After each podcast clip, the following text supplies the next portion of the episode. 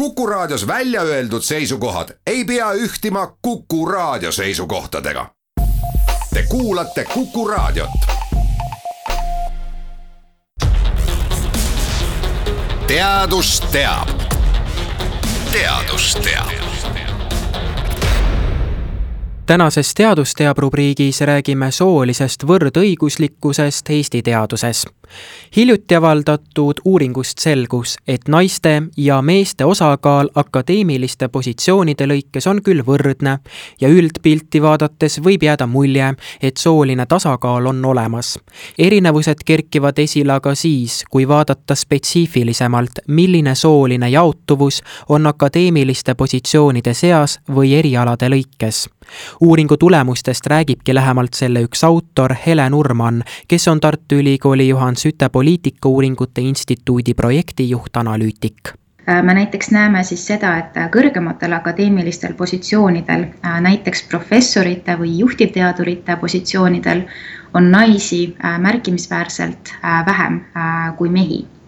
täpsemalt siis ka nais, naissoost professoreid on, on ligikaudu kakskümmend neli protsenti mis on ikkagi suhteliselt silmapaistev erinevus võrreldes meessoost professorite osakaaluga. ja liikudes sinna skaala teise otsa, äh, siis madalamatel või, või sellistel akadeemiliste äh, karjääri alguspositsioonidel on jällegi naiste osakaal märkimisväärselt kõrge äh, näiteks siis sellistel positsioonidel nagu assistendid või õpetajad on naisi oluliselt rohkem ja näiteks õpetaja positsioonil on tõesti naiste osakaal suisa seitsekümmend seitse protsenti. nii et me näeme, et äh, madalamatel akadeemilistel positsioonidel äh, on naiste osakaal äh, märkimisväärselt kõrgem ja naiste osakaal on jällegi teistpidi märkimisväärselt madalam nendel kõrgematel akadeemilistel positsioonidel. ja tegelikult me näeme siis erinevusi ka, ka selles kontekstis, kui me vaatame erialade vahel sellist soolist jaotuvust. ehk siis me võime täheldada soolist segregatsiooni erialade lõikes Äh, me näeme seda, et äh, loodusteaduste ja tehnika valdkonnas on, on jätkuvalt äh, naiste osakaal suhteliselt märkimisväärselt väiksem võrreldes meeste osakaaluga. naisi on, on sellistes valdkondades alla kolmekümne protsendi. Äh, samal ajal äh, naisi on sellistes valdkondades, mis on seotud äh, terviseteadustega, ühiskonnateadustega ja kultuuriteadustega jällegi oluliselt rohkem, seal on naiste osakaal üle kuuekümne protsendi. Selgitage aga seda, et mida toob see endaga kaasa, kui meil on selline ebavõrdsus teadusmaastikul sooline ebavõrdsus on, on oluline probleem äh, ka teaduse äh, maastikul, äh, kuna teadus on midagi, mille kaudu me loomegi mingit teadmist või, või ka võib-olla mingit praktilist väljundit. Ja ebavõrdsus teadusmaastikul võib luua ebavõrdsust ka väljaspool teadusmaastikul. Äh, näiteks äh, märkimisväärne ühe soo domineerimine äh, teadmisi või sellise väljundi loomise kontekstis võib ka tähendada, et see loodav väljund või teadmine ei võta arvesse eriilmelisi kogemusi või mõtestusprotsesse ja selle tõttu ka siis teatud gruppide vajadused või kogemused jäävad selle teadmiste või, või väljundite loomise protsessis katmata. Aga kui nüüd vaadata otsa neile võimalikele põhjustele, et äh, millest selline noh, justkui paberi peal on kõik hästi, aga tegelikult äh, olukord nii hästi ei ole, et on ikkagi teatav äh, ebavõrdsus, et kus need põhjused võivad peituda? sellistel ebavõrdsustel on, on tegelikult erinevaid põhjuseid või tausttegureid, mis aitavad selgitada just, just positsioonide lõikes näiteks sooliselt ebavõrdsust, ebavõrdset jaotuvust et äh, ühelt poolt äh, on selleks põhjuseks äh, osaliselt selline teadlaskarjääri elukaar.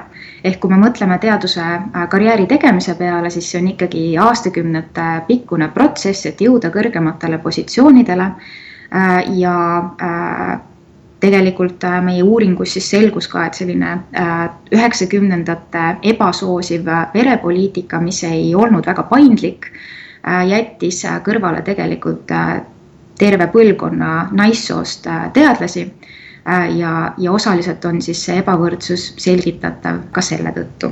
teisalt meie praegune teadluskarjäär või akadeemiline maastik on siiski selline, mis põhineb suuresti eeldusel karjääri katkestusteta karjääri tegemisele Äh, ja see tuleneb erinevatest asjaoludest, äh, ennekõike siis äh, sellest, et teadusmaastik iseenesest on nõuetepõhine ja, ja teadusrahastuse süsteem toetab samuti seda, et karjäärikatkestused ei soosi nii-öelda karjääri arengut kui siis akadeemilistel töötajatel sellised karjäärikatkestused äh, tekivad, siis nad on äh, juba äh, keerulisemas olukorras võrreldes siis nende akadeemiliste töötajatega, kel neil karjäärikatkestusi ei teki, kuna karjäärikatkestustelt naastes olgu need karjäärikatkestused äh, seotud äh, äh, tervislikel põhjustel eemalviibimisega,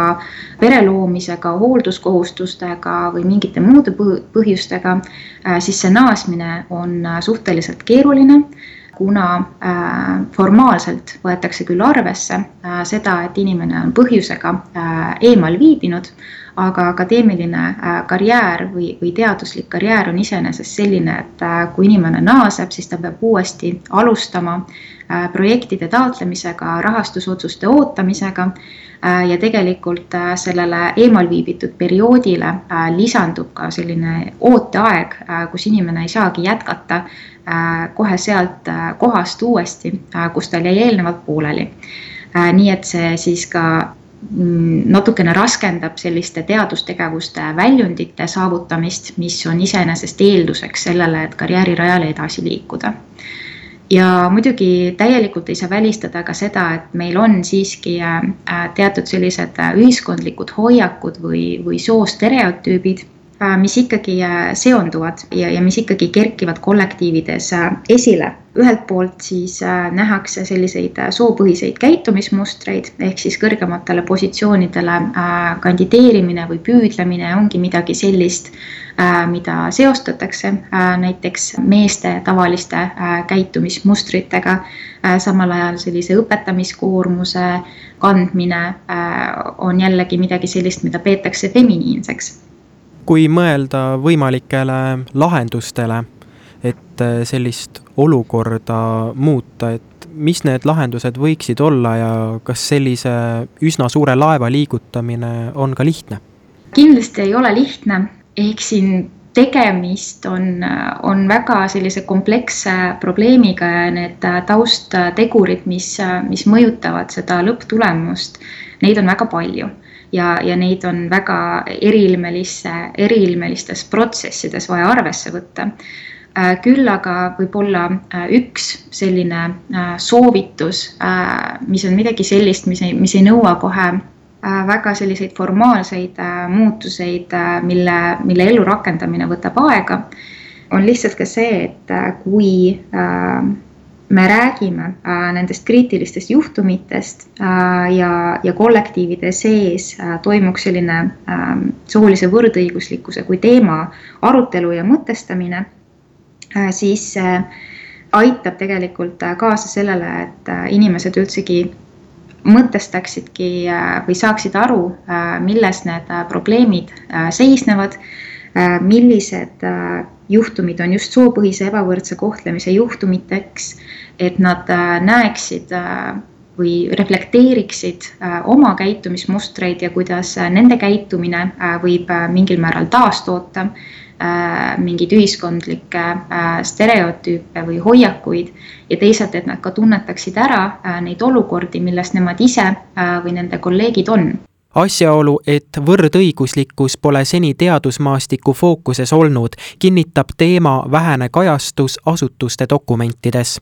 teema reguleerimine asutusesiseselt on tõstatunud alles hiljuti, peamiselt just sel põhjusel, et täita osade teadus- ja arendusprojektide rahastajate nõudeid. nii võib juhtuda, et nõuded formaliseerivad soolise võrdõiguslikkuse kajastust küll asutuse dokumentides, kuid see ei pruugi ilmneda asutuse muudes tegevustes tegevustes. niisiis on oluline teadlikkuse tõstmine. teadlikkuse puudumise tõttu ei pruugi tõstatuda ka juhtumid soolisest ebavõrdsusest, kuna selliseid olukordi ei tunta ära või kardetakse tagajärgi. teadus teab. teadus teab